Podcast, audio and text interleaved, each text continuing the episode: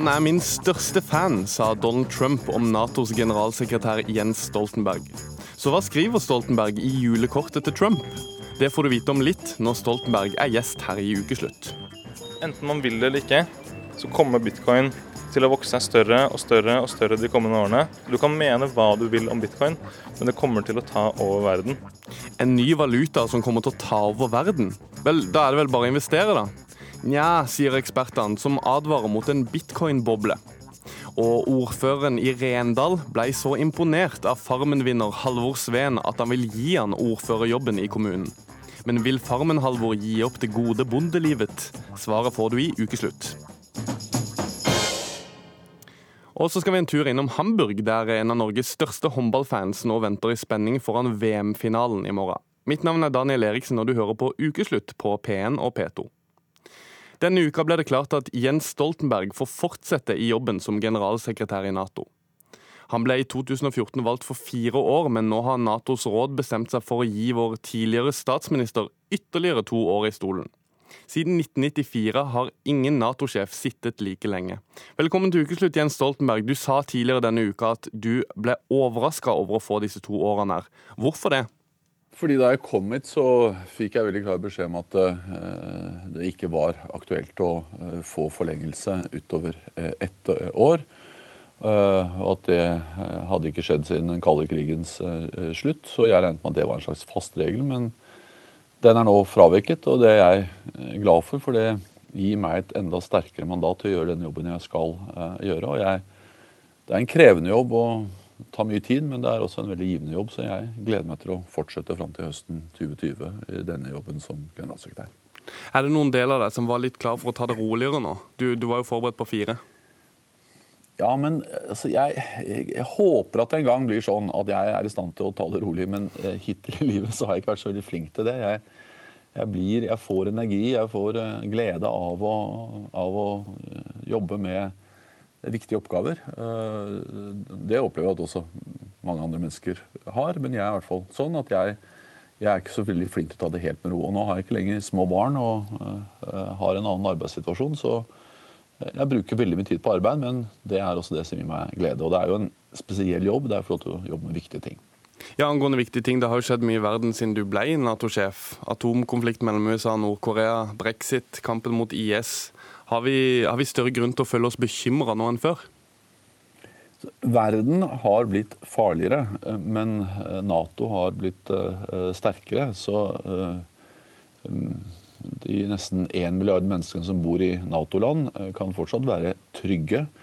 I hvert fall når det gjelder militære angrep. Den usikkerheten eh, vi alle lever med hver dag hele tiden, er jo faren for alvorlige terrorangrep. Det har vi sett mye mer av eh, i det siste. Så ser vi at det er stadig flere cyberangrep. Og vi lever i en mer usikker verden. Men nettopp i en usikker tid så trenger vi sterke internasjonale institusjoner som FN, som EU, men ikke minst som eh, Nato. Så Nato har omstilt seg, Nato har forandret seg fordi verden har forandret seg. og Det gjør at vi fortsatt kan være trygge. Et av de store spørsmålene i Nato er jo finansiering. Målet at uh, hver stat skal bruke 2% av landets BNP på forsvar innen 2024. Nå har du jo vært i jobben en stund.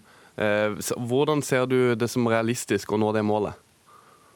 Det er absolutt mulig. Eh, dels fordi at eh, når 29 regjeringssjefer sitter rundt det samme bordet og sier at de skal eh, sørge for at forsvarsutgiftene øker til 2% av nasjonalproduktet, så regner jeg med at de mener det. Det andre er at Norge og andre land har vært på det nivået og mye høyere tidligere. Under den kalde krigen var vi på 3% og så sent som på midt på 1990-tallet, da Gro Harlem Brundtland var statsminister, så var vi på 2% Så det er ikke noe sånn helt fjernt urealistisk. Det er, eh, det er noe vi har gjort før. Når det er sagt, vil jeg si at jeg forstår veldig godt at alle politikere helst vil bruke penger på helse, utdanning, veier, mange andre ting enn forsvar. Uh, men når vi reduserte betydelig forsvarsutgiftene, da er spenningen gikk ned i verden etter den kalde krigens slutt, på 90-tallet og utover, så må vi også være eh, villige til å øke investeringene i Forsvaret når spenningene går opp, slik vi ser nå. Vi, vi, ser deg jo nå drive denne storpolitikken, men her hjemme i Norge har den NRK-serien 'Da vi styrte landet' fått mye oppmerksomhet. I den så blir du framstilt som den talentfulle poppolitikeren som tok landet med storm. Jeg lurer på, hvis de lager en 'Da vi styrte Nato', hva er det de kommer til å beskrive deg som da? Jeg håper de kommer til å beskrive meg som en eh, generalsekretær som greide å eh, både bidra til at Nato uh, ble enda sterkere, eh, men samtidig at vi greide å bidra til å eh, få på plass en dialog med Russland. At vi eh, hele tiden opptatt av å unngå ny kald krig og prøve å holde spenningene nede. Fordi Mitt budskap i Nato er at det er ikke noen motsetning med å være sterk, fast, som må være overfor Russland, men samtidig være opptatt av dialog og, og politisk kontakt med Russland. Russland er vår nabo. Eh, jeg har som norsk politiker lært at det er fullt mulig å ha et godt naboskap til Russland, og det har jeg tatt meg ned her til Nato. Nå, nå, er det juletid, og mange statsledere skriver julekort i disse tider. Jeg lurer veldig på om det er en oppgave som en generalsekretær i Nato bedriver også? Ja, jeg skriver julekort. Eh, nå får jeg heldigvis ganske mye hjelp til å finne adresser og navn og, og organisere det hele, men jeg eh, skriver eh, ganske mange julekort. Dels så skriver jeg noen hvor det i hvert fall er noen setninger og hyggelige hilsener. Jeg syns det er veldig hyggelig å gjøre det. Ja, for hva skriver du? Jeg lurer på litt hva du skriver i julekortet til Donald Trump, i og med at han har jo uttalt at du er hans største fan. Uh, jeg skriver husker akkurat, men jeg skriver noe sånt som 'takk for godt samarbeid'. altså 'Thank you for, godt, for excellent cooperation and uh, looking forward to continue to work with you'. eller noe sånt. Altså, jeg skriver i hvert fall 'takk for samarbeid' og ser fram til å fortsette å, å, jobbe med deg. Og det skriver jeg til Eh, omtrent det samme skriver jeg vel til de fleste regjeringssjefene i Nato, eh, fordi de er mine samarbeidspartnere, og jeg representerer alle 29 eh, i Nato. Jens Stoltenberg, thanks for cooperating with Ukeslutt. Nå skal vi videre i lørdagssendinga vår her. Nå skal vi videre, for vi er inne i en måned der vi bruker mye penger. Nordmenn bruker over 50 milliarder kroner bare på julegaver, og det er også noen som gir litt ekstra til veldedige formål nå i julestria. Og da er spørsmålet er det tanken som teller, at det viktigste er å gi til de du selv ønsker, eller bør du gi til det aller beste tiltaket, sånn som de effektive altruistene? Tusen takk skal du ha. Gud velsigne deg og god jul. Effektiv altruisme. Sannsynligvis ikke begrepet som opptar tankene dine mest i desember, men kanskje bør det det? For jula nærmer seg, og folk er i det veldedige hjørnet. I hvert fall hvis vi skal tro Frelsesarmeens grytevakt på et av Oslos mange kjøpesentre. Ja, vi merker at givergleden er stor i desember. Den er det. Og, og, det er som regel sånn at når vi nærmer oss jul, så blir gryten enda fullere. da sitter pengene litt løst, ja. Skal vi bare putte den oppi der, da? Takk skal du ha. Men hva tenker egentlig folk om å gi? Hva er motivasjonen vår? Akkurat nå så tenkte jeg at eh, de hjelper de mange uteliggere sånn til jul. Fordi det er hyggelig om å ta vare på de som ikke har det like bra. Ja, Man føler at man gir noe tilbake. da. De som ikke er så heldige som meg selv. Det er vel for å ønske å støtte opp om eh, gode formål. Vi ønsker altså å støtte gode formål. Men er det nok? Nei, ifølge filosofien om effektiv altruisme. Det er ikke tanken som teller, men hvor mye nytte pengene gjør. Ifølge denne bevegelsen gir det altså mest mening å gi til organisasjoner som jobber mot f.eks. malaria, fordi et myggnett koster lite sammenlignet med hvor mange liv det redder. Er det noe folk tenker over når de gir til veldedige organisasjoner? Jeg tenkte ikke på det nå. Ikke egentlig, for jeg gir ikke så masse. Men jeg tar stort sett og prøver å finne en sak som jeg liksom bryr meg litt ekstra masse om. Man hører ofte veldig mye ting om hvordan pengene brukes i de forskjellige organisasjonene. og Så blir det litt vanskelig kanskje å følge med på alle faktaene. Tusen takk skal du ha. Gud velsigne deg og. Reporteren som ble velsignet her, var Emilie Gamst. I eh, Dagbladet denne uka kom en kommentator med oppfordring om å gi så det svir, men bare hvis det funker. Det er dette som blir kalt effektiv altruisme, altså gi effektivt.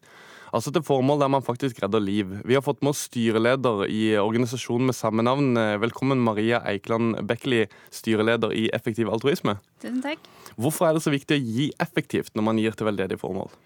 Eh, vi syns det er viktig fordi vi er opptatt av at eh, de pengene vi gir skal ha størst mulig effekt. At man hjelper flest mulig mennesker mest mulig når man gir til eh, veldedige organisasjoner. Er nordmenn litt dumme når de gir?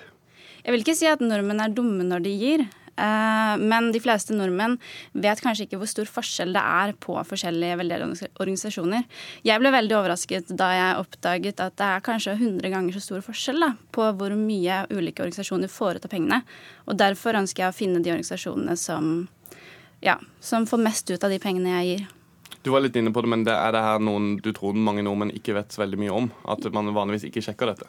Ja, det tror jeg. Eh, jeg tror at eh, når man gir til en god sak, så gir man eh, til enten de som står og samler inn penger på gaten, eller til en sak som du har hørt om på en eller annen måte. Og Det er derfor vi promoterer de organisasjonene vi gjør, og sier hvis du vil ha mest mulig ut av pengene du gir, så er det disse organisasjonene som forskning viser gir størst effekt. Mimir Kristiansson, dette er noe du omtaler i det siste bokprosjektet ditt. Du skriver at effektiv altruisme er en farlig, elitistisk ideologi som bereder grunnen for en ny overmennesketenkning. Hadde det vært en skoleoppgave, så ville jeg sagt grei ut. Ja, og det skal du få òg. Um, altså, for det første, det er jo ingen som har noe imot at folk gir så det svir. Og egentlig har ikke jeg noe imot at folk tenker seg om hva har stor effekt, hva syns de er riktig. Det er ikke noe eget mål for meg at folk skal gi til de mest ineffektive formålene, liksom. Men effektiv altruisme er på en måte mer enn bare å samle inn penger til malarianatt. Det er jo en hel tankeretning bak, og det er jo den typen tankeretning som gjør at effektive altruister skriver kronikker der de sier ikke gi penger til Barnekreftforeningen, fordi det er så ineffektivt å hjelpe barn med kreft i Norge. Så dyrt. Det er derfor man har effektive altruister som sier slutt i jobben din i en bistandsorganisasjon og begynn som hedgefondmanager på Wall Street, eller slutt som kirurg på sykehuset der du redder liv, og begynn som plastisk kirurg og få større pupper i stedet, fordi da kan du donere mer av pengene du tjener. Sånn at effektiv altruisme det ligger en ekstrem kortsiktig, individualistisk måte å tenke nytte for samfunnet på. da. Ja, for Nå, nå tar du han på en måte helt ut. Og, og, men hva, hva, da på en måte i de sammenhengene der du skal, du skal gi? Bryr du deg ganske lite om, om hvem du gir til, så lenge det er et godt formål? Ja, altså, jeg tror det er som det er 100 grunner til når man gir. altså. Men det ene er selvfølgelig at man tenker hva er man mest opptatt av sjøl. Det er jo en ting som de effektive altruistene på en måte prøver å eliminere. For så er det sympatisk side ved det, syns jeg.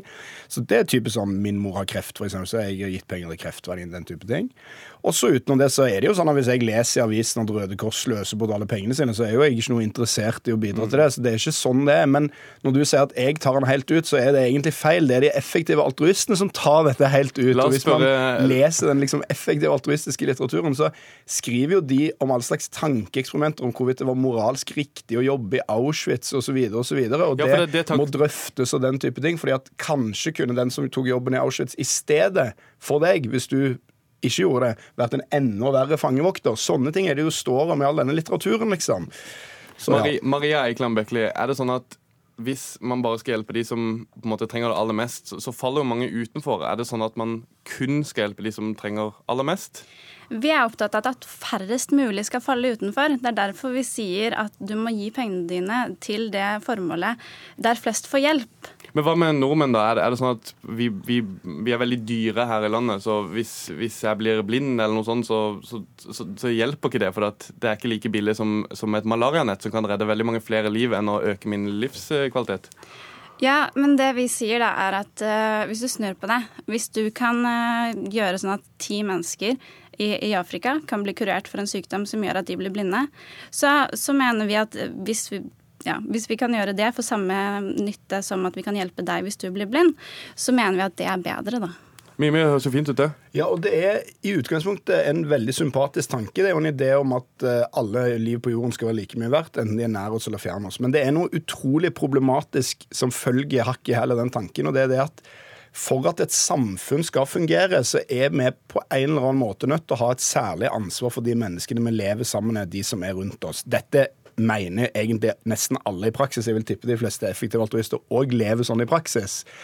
Og jeg, men f.eks. Peter Singer, som er en sånn sentral filosof her, han sier at individer har ingen særlig ansvar for sine landsmenn. altså det er nordmenn, hvis, det, hvis, du står i valget mellom å redde naboen, og han er dyr å redde, for å si det sånn, og på en måte redde ti i Afrika, så skal du bare la naboen dø og, redde de ti i Afrika. Og da tror veldig... jeg samfunnet bare går i oppløsning. Og det tror jeg er en ganske sånn farlig på en måte galei å bie seg inn på. da. Kan ikke du ta, ta den, eh, den, greia der? Hva, hva, skal man gjøre da? Huset til naboen brenner, men jeg sitter inne på datamaskinen min og lager bitcoins, så jeg kan gi masse penger til Malarianett, f.eks. Hva skal jeg gjøre? Jeg ville løftet og reddet naboen min, og det tror jeg de aller fleste ville gjort. Men er ikke det på en måte litt sånn mot deres ideologi? Eller mot Peter Singers ideologi, kanskje?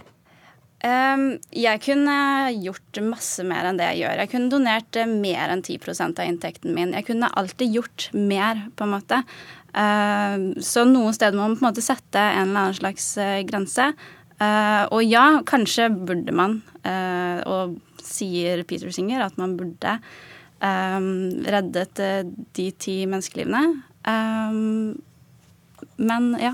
Men Mimi, så, så, lenge jeg, så, lenge jeg, har kjent deg, så du har vært opptatt av, av rettferdighet. Ja. Er ikke det her det mest rettferdige du kan tenke deg? Jo, det, altså, det prinsippet eller den ideen om at hvert liv på kloden er akkurat like mye verdt, uansett hvor tilknyttet oss, det er en utrolig sympatisk idé. Det er bare det at når man forfølger den ideen i praksis, så oppstår det en del dilemmaer som gjør at det ikke kommer så heldig ut. Og jeg bare får si det, jeg tror alle effektive altruister i hele Norge ville redda naboen hvis huset brant. Altså, men det er ikke pga. effektiv altruisme, det er pga. andre prinsipper enn den typen utilitarismen som ligger inn der. altså Ideen om at konsekvensene alltid må på en måte måles riktig. Da. Men en annen ting som jo denne bevegelsen delvis er inne på, er jo å, å oppfordre deler av den da, selvfølgelig til at man skal unndra seg skatt, eller i hvert fall minimere å betale skatt, sånn at man kan sjøl som individ gi mye mer effektivt enn staten. staten den må vi ta, vi har ikke for mye tid, men den må vi ta. Hva syns du om det å snyte på skatten for å gi, for å gi mer effektivt?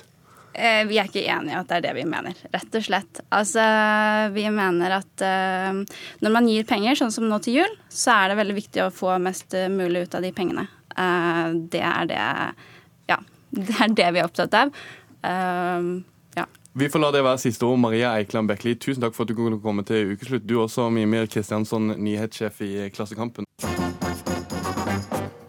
Bitcoin var det mest søkte ordet på Google i 2017, og har du ikke hørt om denne digitale valutaen før nå, så er det på tide. I dag er én bitcoin verdt 140 000 kroner, tre ganger så mye som den var verdt i midten av november. Vi tok turen til en bitcoin-messe i Oslo for å finne ut hva som er greia. Ja, du har to plasser. Vi er på et bitcoin-treff. Her har Oslos bitcoin-frelste samlet seg for å diskutere det de mener er uendelige muligheter med kryptovalutaen. Enten man vil det eller ikke, så kommer bitcoin til å vokse seg større og større og større de kommende årene. Og før eller siden kommer vi til et vendepunkt hvor det, ikke, hvor, det, hvor det, er blitt så stort at det er umulig å overse det. Så Du kan mene hva du vil om bitcoin, men det kommer til å ta over verden. Jøss, ta over verden, sier bitcoin-entusiast Torkel Rogstad. Og det er ikke bare her bitcoin er det store samtaleemnet. Bitcoin var faktisk det mest søkte ordet på Google i 2017. Har du bitcoins? Eh, lite grann. Hvor mye er lite grann? Eh, bare et par hundre kroner. Tusen kroner, kanskje.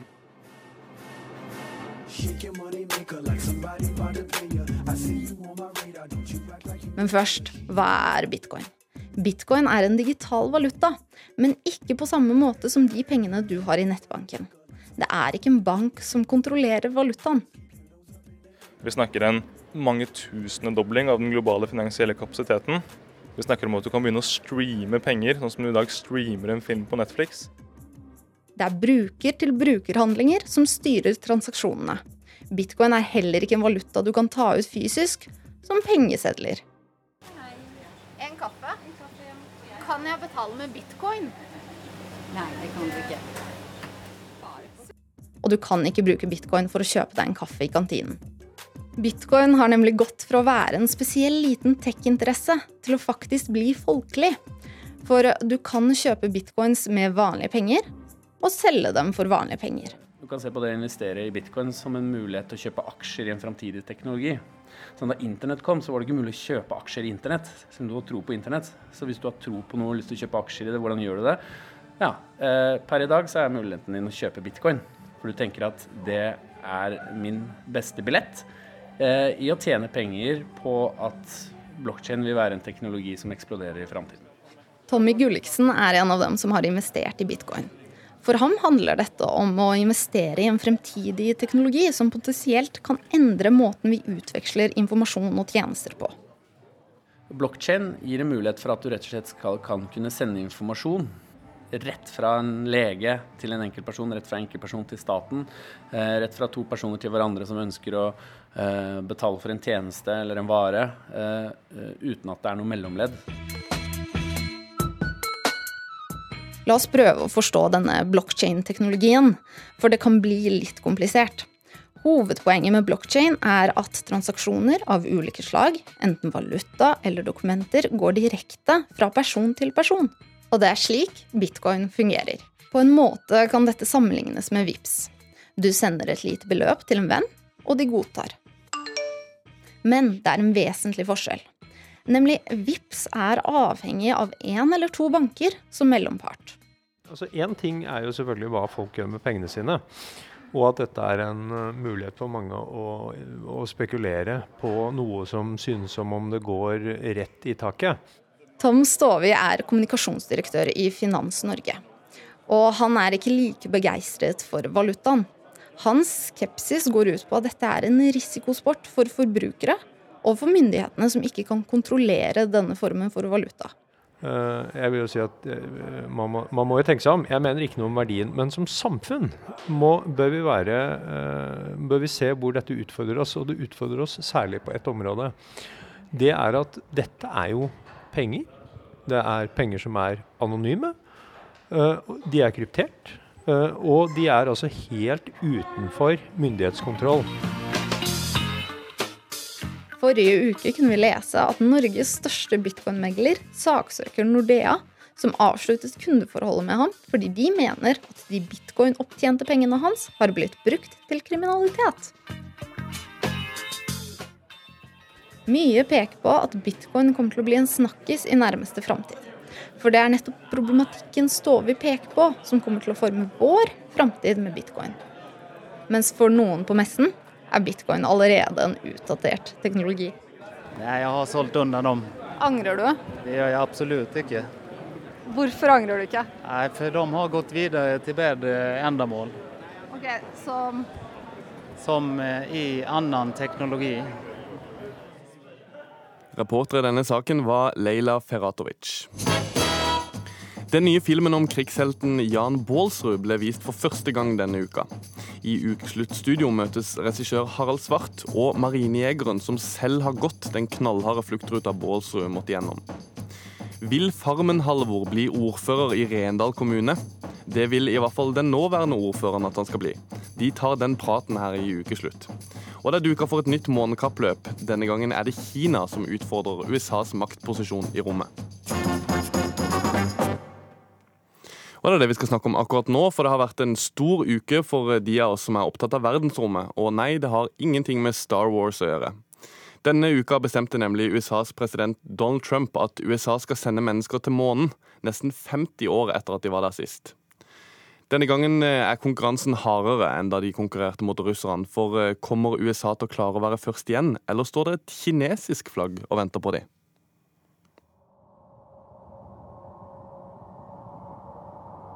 Det er mørkt og kaldt, og bare sand og gammelt romskrap her. Her står noen gamle månebiler, men det er ingen som har brukt dem på lenge. For det siste mennesket forlot månen for 45 år siden.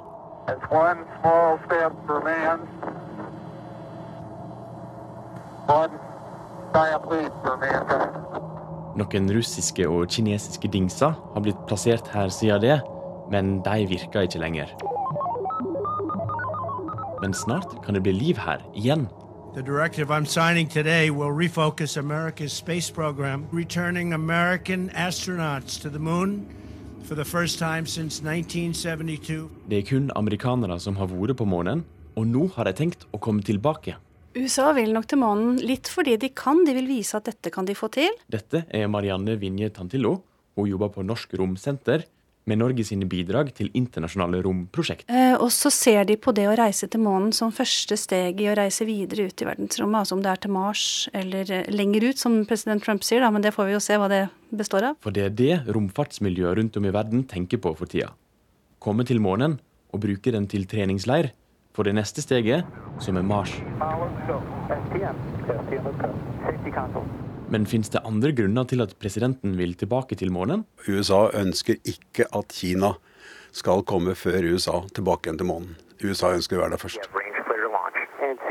Mitt navn er Per Arne Martinsen. Jeg kommer fra Norsk astronautisk forening. Det er ei forening for romfartsentusiaster. Martinsen mener det er mye politikk i det som USA gjør nå. De sier at de, Kina ikke skal kunne ta et territorium og si at dette her er vårt. Selv om FN sa i 1960-tallet at det er ingen som eier verken måne eller andre himmellegemer.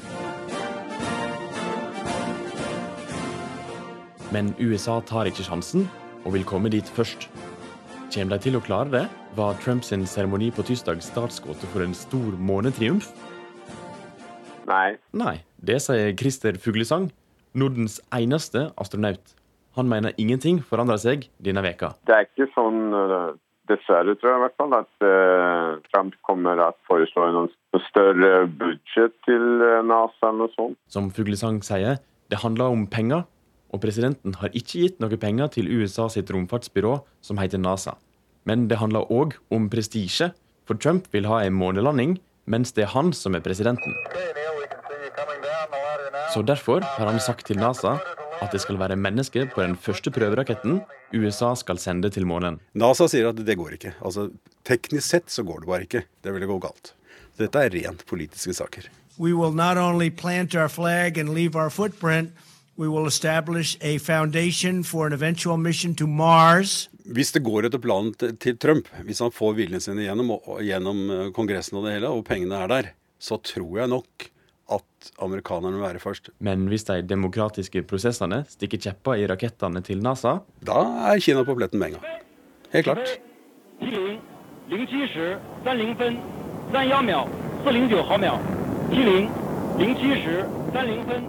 De, de er så bestemt på at dette her skal de gjøre. Og et kommunistisk styre er det liksom ikke Har, har sjefen sagt at de skal gjøre det, så gjør de det. Kappløpet for å komme tilbake hit først er godt i gang. Uansett hvem som kommer først denne gangen, vil det begynne å skje mange nye ting rundt her. Først skal de få på plass en romstasjon i bane rundt månen. Så vil man i neste omgang ønske å sette ting ned på måneoverflaten. Og først kanskje noe utstyr. Fjernstyre det fra denne eh, romstasjonen som går i bane rundt månen. Og så i neste omgang sette astronauter ned. Og i løpet av de neste ti åra vil det være liv på månen igjen. Kanskje man skal lage noe utstyr som man kan eh, bruke på måneoverflaten, eller bruke 3D-printere til moduler til hus eller bygninger. da. Du vil se en form for eh, habitater, altså oppholdsmoduler, hvor folk bor i og driver arbeid ute på månen. Det vil du kunne se i løpet av ti år, tror jeg. Og der kan de kanskje drive litt gruvedrift og undersøke månen nærmere og se ja, hva de kan bruke det videre til for videre reiser ut i rommet.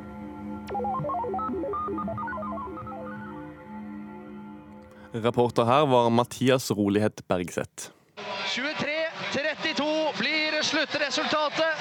Det norske laget er som et eh, godstog som bare fortsetter å smadre all motstand. Og Norge er klar for VM-finale. Nederland skal spille bronsefinale. Dette ble, dette ble enkel skuring nesten for Norge. Ja, det var ganske grei skuring for det norske kvinnelandslaget i håndball da de slo Nederland og kom videre til VM-finalen som spilles i Hamburg i morgen. Alle Norges håndballentusiaster gleder seg, og nå skal vi til en av de aller aller største. Liv Berger, du er kasserer i Håndballens venner, noe som betyr at du er over gjennomsnittet glad i håndball. Du er i Hamburg nå. Er du letta etter semifinaleseieren i går? Det er veldig deilig at vi endelig har kommet til finalen igjen. Du er altså med i Håndballens venner og har fått gullbjella, som man får etter disse 25 turene. Eh, denne gangen har du vært i Tyskland siden 1.12. Hvor håndballgal vil du si at du er? Jeg er litt middels gjennomsnitt over det, tenker jeg. Jeg har jo vært med på som du sa, 25 turer og vel så det. Og det er jo den gjengen som vi reiser sammen med, er jo helt fantastisk. da. Man får jo venner i hele Norges land og får være med på den galskapen og vinne gull gang etter gang. Ja, det var akkurat dette med gull gang etter gang. Noen har ymta frampå at Norge har gått i langrennsfella med kvinnehåndballen. At vi rett og slett er så overlegne at det blir kjedelig. Hva syns du om det? Nei, jeg syns ikke det er kjedelig. Jeg syns det er moro å se jentene spille fantastisk god håndball. Og den gleden som de viser når de sko andre skårer og at de er glad for hverandre, det er jo helt fantastisk. Det er ingen sure minner sånn på det laget. Nei, nå, nå blir det altså finale mot eh, Frankrike i morgen. Og du har sett de norske jentene overkjøre motstanderne sine i de andre kampene. Eh, tror du det er noen mulighet for tap i det hele tatt? Nei, det tror jeg er veldig lite mulighet for. Når vi så Frankrike nå sist, så var jo det ikke overbevisende at de kunne klare å slå oss. da. Hvis jentene spiller på maksimalt beste, altså hvis de har en veldig veldig dårlig dag, så kan det kanskje skje. Hvordan forbereder du deg til kampen i morgen? Vi fleste av oss vi slapper av, nyter tilværelsen på formiddagen og roer oss ned. Og så girer vi oss opp og snakker masse håndball og har det kjempefint sammen. Og gleder oss til at vi skal se kamp igjen sammen. Liv Berger, lykke til på finalen i morgen, og vi skal heie på herfra også. Takk for at du kunne være med oss, eh, Liv Berger. Nå skal vi videre og høre på litt musikk. Vi skal spille Ella Fitzgerald her i ukeslutt med All The Things You Are.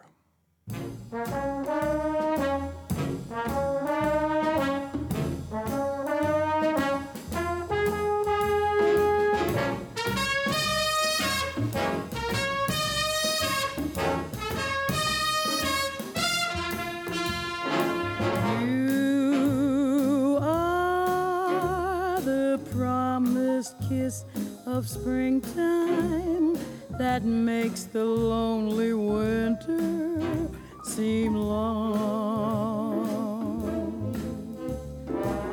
You are the breathless hush of evening that trembles on the brink of a lovely song.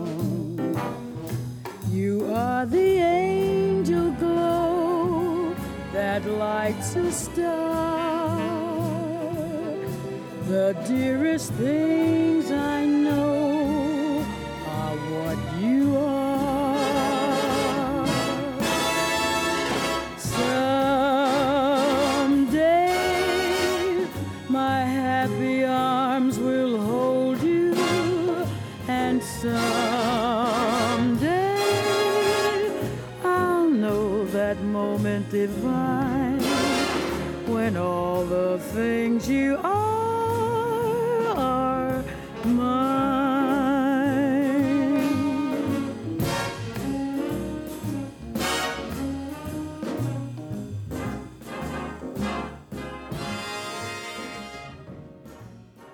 Over en million nordmenn fikk med seg en dramatisk finale.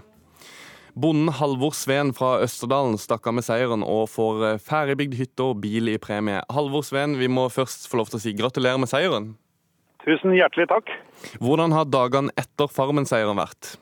De har vært ganske travle. Det har vært veldig mange telefoner og utrolig mye hyggelige tilbakemeldinger. Så flott. Hva syns de andre i Rendalen om at du vant? Åssen tilbakemeldinger har du fått fra bygda?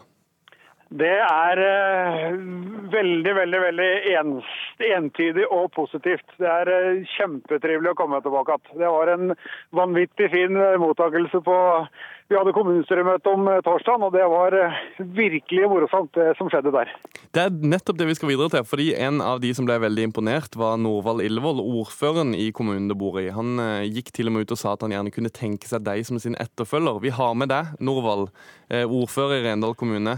Hvorfor vil du ha en reality-deltaker som din eh, etterfølger i, som ordfører? Nei, men altså, jeg kjenner eh, Sven ifra eh, mange år tilbake i politikken. Han har vært aktiv i politikken i mange år, så jeg vet hva han Halvor står for, og vet hva han kan bidra med. Og det er ikke noe Det er gode verdier å ha med seg, og ikke minst at han eh, klarer å håndtere både media og alt sammen, og veldig kunnskapsrik. Så han, han klarer den der er veldig glitrende. Det var derfor jeg Det er en meget god kandidat. Halvor, jeg må nesten bare spørre, kunne du tenkt deg å bli ordfører i Rendalen? Ja, Han blir jo selvsagt smigret og, og blir betegnet som en bra kandidat. eh, Men jeg er litt slik eh, Jeg har aldri vært ansatt i noe som helst. Jeg har eh, holdt på å vært vant til å kunne styre dagene mine sjøl. Og dette der altså blir eventuelt blitt ordfører, så er det ganske Og det er, det er jo ikke en jobb som er bare fra sju til fire. Det er eh, 365 dager i året. Så, men om det ikke blir nå, så er det nok, eh, det er nok mulig at jeg kan eh, stille meg til disposisjon eh, senere. Men eh, jeg begynner å bli slik, jeg begynner å nærme meg like, midt på hundretallet på, på alderen, og da må man smi mens liket er varmt, er det ikke som heter det? Så da må man prøve å få med seg mest mulig morosamt, og så får man se om det kan bli ordfører etter hvert. Norvald, er det det som kommer til å bli din jobb framover? Å prøve å overtale Halvor sakte, men sikkert? Nei, altså du, vi har jo god kontakt like generelt ellers i Jon Halvor, så det skal vi nok klare å finne rom for og øyeblikk som vi kan gjøre det. Men det er jo faktisk slik at det er jo en nominasjonskomité som har den oppgaven i, eh, i Arbeiderpartiet som vi hører hjemme i, som skal eh, starte jobben nå på nyåret og så finne inn eh, som skal være kandidat da jeg avslutter. Og da må vi jo bare ta det derifra, hva den nominasjonskomiteen kommer ifra. Så skal vi, når tida blir eh, moden og nominasjonen er på plass, så skal jeg bidra med det jeg klarer også å bidra med, for eventuelt eh, hva som må til for oss å til hvem som blir kandidat for Arbeiderpartiet i Rendalen. I, I fall det blir Halvor, så blir han ikke den eneste reality-vinneren med politisk makt. Eh, Emilie Mehl i Senterpartiet vant første sesong av Anno og sitter nå i justiskomiteen på Stortinget. Eh, Illevold, er det sånn at reality-deltakere er litt sånn uutnytta ressurs? Han har jo vist seg veldig flott fram i Farmen og vist eh, gode verdier, at han kan jobbe og Ja, du, selvfølgelig er det er det. det. Og eh, jeg mener absolutt den, eh, det han eh, Halvor har vist, og ikke minst den rikskjendisstatusen som han har fått nå gjennom Farmen, altså det nyter Rendalen som kommune utrolig mye positive ting og mye godt ut av. Halvor, da, det, får bli nesten siste ord, men du får bare vente på å få Norvald på døra, for det, det blir ordførerjobb, altså. Ja, vi får se. vi får se. Det er som, som Norhold sier, det er en nominasjon, nominasjonskomité som skal settes i sving nå på nyåret, så da får vi se. Men eh, ja, Norvald er hjertelig velkommen. Han skal få kaffe og, og julekaker. Jeg har hørt rykter om det her fra Dagsnytt 18 at det er et sånn politisk system med noe bystyre og alt mulig. Men, men, men uansett. Halvor Sveen, Farmen-vinner og bonde, takk for at du kunne være med. Det er også Norvald Illevold, ordfører, foreløpig ordfører i Rendal kommune. Om en drøy uke, dagen etter selveste julaften, har filmen Den tolvte mann premiere på norske kinoer. Filmen handler om krigshelten Jan Baalsruds utrolige flukt fra tyskerne etter en mislykka sabotasjeaksjon. De andre involverte motstandsmennene ble drept, så Baalsrud måtte legge ut på flukt alene fra Rebbenesøya utenfor Tromsø til Sverige. Vi skal høre litt. Grann.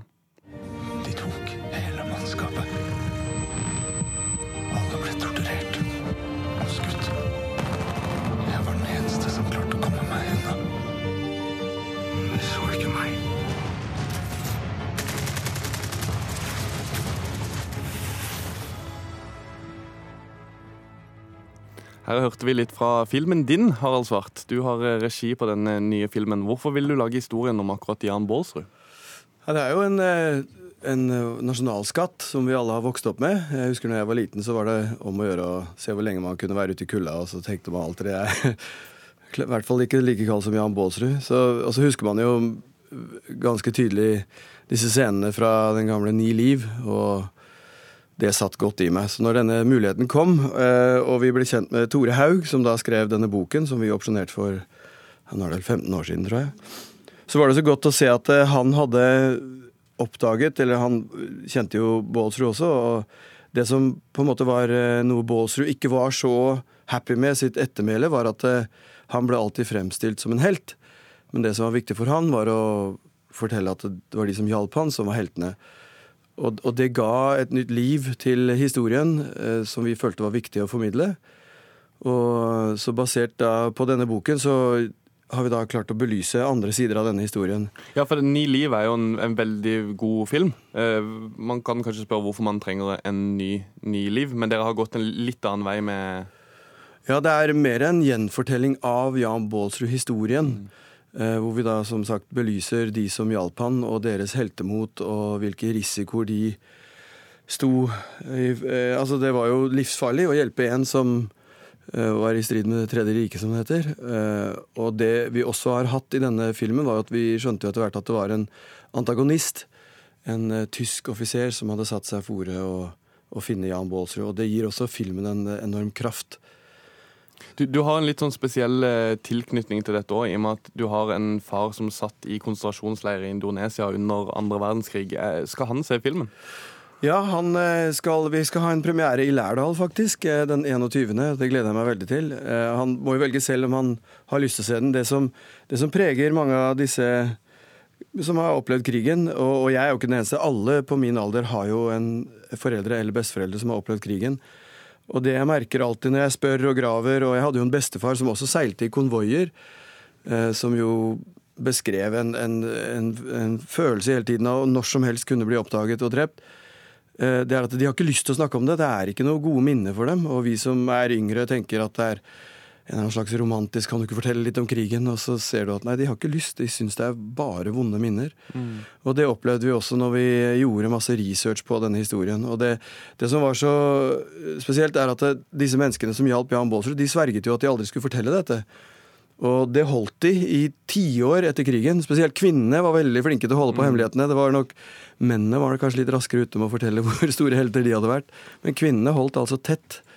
Angående nøye research. Ronny Bratli, eh, du er marinejeger og har gått samme rute som Baalsrud i forbindelse med det programmet Ian Baalsruds fotspor på NRK. Vi må høre litt på da dere la på svømme i iskaldt vann. Vi har det klippet liggende her. Her er fint å gå langt.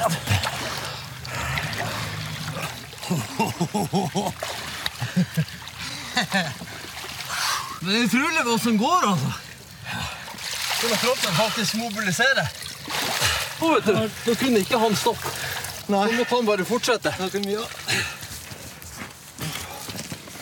Ronny Bratli, eh, marinejeger, hvor hardt var det å følge den ruta? For det første så er det Rune Gjelnes som er marinejeger. Ja, ja, og, og, da har vi hatt en litt misforståelse. Ja, og det, det går veldig bra. Eh, Takk for at jeg ble invitert, og gratulerer Harald Svarts med lanseringa av eh, Tolvte mann. Takk. Jeg syns det er utrolig positivt at den blir fortalt i en enda sterkere form enn eh, det den har vært gjort tidligere. For meg og Rune og gå ruta, det var en veldig sterk opplevelse. Ikke fordi at det var så fryktelig fysisk hardt. Eh, Det er jo en krevende rute. Det er jo mye svømming. Jan Baalsrud gikk jo i fire dager i snø uten, eh, uten ski. Eh, gikk over Lyngsalpene i fryktelig dårlig vær.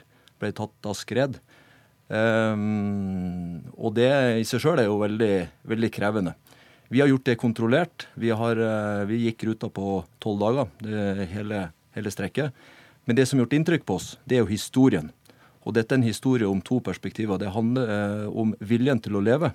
Jan Baalsrud har hatt en helt umenneskelig drivkraft eh, i viljen til å leve. Og de valgene han tok underveis, eh, var ikke minste motstands vei. Eh, og så er det ikke minst det som Harald Svarts også legger vekt på i Tolvte mann. Det er mm, viljen til å hjelpe. Mm. Vi møtte veldig mange eh, som, eh, som eh, var involvert. Det er jo fortsatt noen igjen. Eh, de blir dessverre bare færre og færre. Og desto viktigere å få fortalt historien, Mm. også deres. Mm. Og de eh, risikerte jo eh, livet sitt, familien, bygda, for den innsatsen de gjorde. Og det gjorde veldig sterke inntrykk. Er det sånn at du gleder deg til å se filmen, eller er det andre følelser du knytter til det? Jeg gleder meg til å se filmen. Jeg gleder meg til å få fortalt historien. eh, Jeg har ikke sett den, jeg har bare sett noen klipp. Og jeg er veldig positiv til det fokuset som, eh, som du har brukt. Vi har brukt samme, mye av samme kildene. Mm. Eh, Tore Hauge brukte også vi. Pluss at vi også brukte rapportene og sånt som var skrevet. Og vi hadde jo en intensjon om å få prøve å belyse historien. Mm. Eh, Fortelle den på litt forskjellige måter, og da gjerne med en fysisk tilnærming som, som er litt annen dimensjon. Men, men jeg gleder meg veldig til å se eh, Tolvte mann. Vi har ikke altfor mye tid igjen, men, men vi må innom, for det er ikke bare en film som kommer, det kommer også en serie. På nyåret kommer det en ny serie med samme måte, oppsett som i eh, Jan Baalsruds fotspor, der eh, du har vært ute og gått igjen. Denne gangen er det Operasjon Muskedunder som skal undersøkes. Hva, hva er Operasjon Muskedunder? Operasjon Muskedunder det er en uh, sabotasjeaksjon som skjedde i uh, Glomfjord i eh, 1942, på høsten, med tolv allierte soldater. Uh, ni briter, en canadier og to linjesoldater. Og de hadde et oppdrag som var å sprenge kraftstasjonen for å forhindre aluminiumsproduksjon til tyske krigsfly. Med fransk ubåtinnsetting fra Shetland til Glomfjord. Dette er en veldig spennende historie. Den kan sammenlignes på mange måter med tungtvannsaksjon, og er veldig lite kjent. Og nå har vi dokumentert den. Og min utfordring Harald, er jo den trenger også å bli dramatisert. Og det er en historie som veldig få vet om. og Vi har en kontrakt du må skrive under på her. På at du skal Kunne du tenke deg å lage en sånn film til, eller er det sånn at man blir litt ferdig med sånne prosjekter? Nei, alltid spennende historier bør fortelles, de. Det er, eh, det er, det er jo masse spennende historier fra krigen. Eh, Så det er eh, nok å ta av. Tror du vi nordmenn noensinne blir ferdig med andre verdenskrig? Jeg vet ikke, Det er som han sier, det er veldig viktig at vi formidler dette videre til neste generasjon, som er fjernet fra de som faktisk opplevde krigen. Så vi må minne folk på det motet og, og, og hvor grusomt det var. Og hvor meningsløst det var. Sånn som jeg kjenner nordmenns kinovaner, så er det nok mer enn nok av folk som kommer til å få med seg den filmen der eh, første juledag. Tusen takk for at du kunne være med i Ukeslutt, Harald Svart. Eh, Takk også til deg, Ronny Bratli. Nå skal vi ha en liten værmelding her i Ukeslutt. Hva kan vi vente oss av vær? Du, Det ser ut som at eh, det blir mye fint vær i Sør-Norge nå i dag i hvert fall. For det meste pent vær, men i østlige områder på Østlandet så er det fortsatt litt snø som henger igjen. Men et par timer til nå så burde den forsvinne. Litt vind i dag, nordlig opp i liten kuling i ytre Oslofjord. I morgen så blir det gradvis mer og mer skyer, og om kvelden så kommer det også litt snø til Sørlandet i morgen. Sørvestlig frisk bris da. Vestlandet sør for Stad for det meste pent vær i dag. Mulighet for noen snøbyger i ytre strøk, og også i Sogn og Fjordane. Nordlig bris i morgen. Snø og snøbyger. Overgang til regn på kysten. Og eh, i Trøndelag med Romsdal sludd- og snøbyger i dag. Nordvest liten kuling eh, på kysten i nord. I morgen etter hvert opphold. Først i sør vestlig liten kuling. Nordland enkelte sludd- og snøbyger både i dag og i morgen. Liten kuling mellom sørvest og nordvest. Og Troms og Finnmark mulighet for noen snøbyger på kysten av Troms, ellers for det meste pent vær. Sørlig opp i liten kuling. I morgen perioder med snøbyger i Vest-Finnmark og Troms, ellers opphold. Sørvestlig til nordvestlig liten kuling. Og til slutt Spitsbergen. Her blir det en østlig frisk bris. For det meste opphold, og i morgen noen snøbyger og skiftende bris. Det var da enda godt det var fint på Sørlandet i hvert fall. Kristian Gislefoss, takk for eh, at du kunne gi oss denne værmeldinga. Thank you.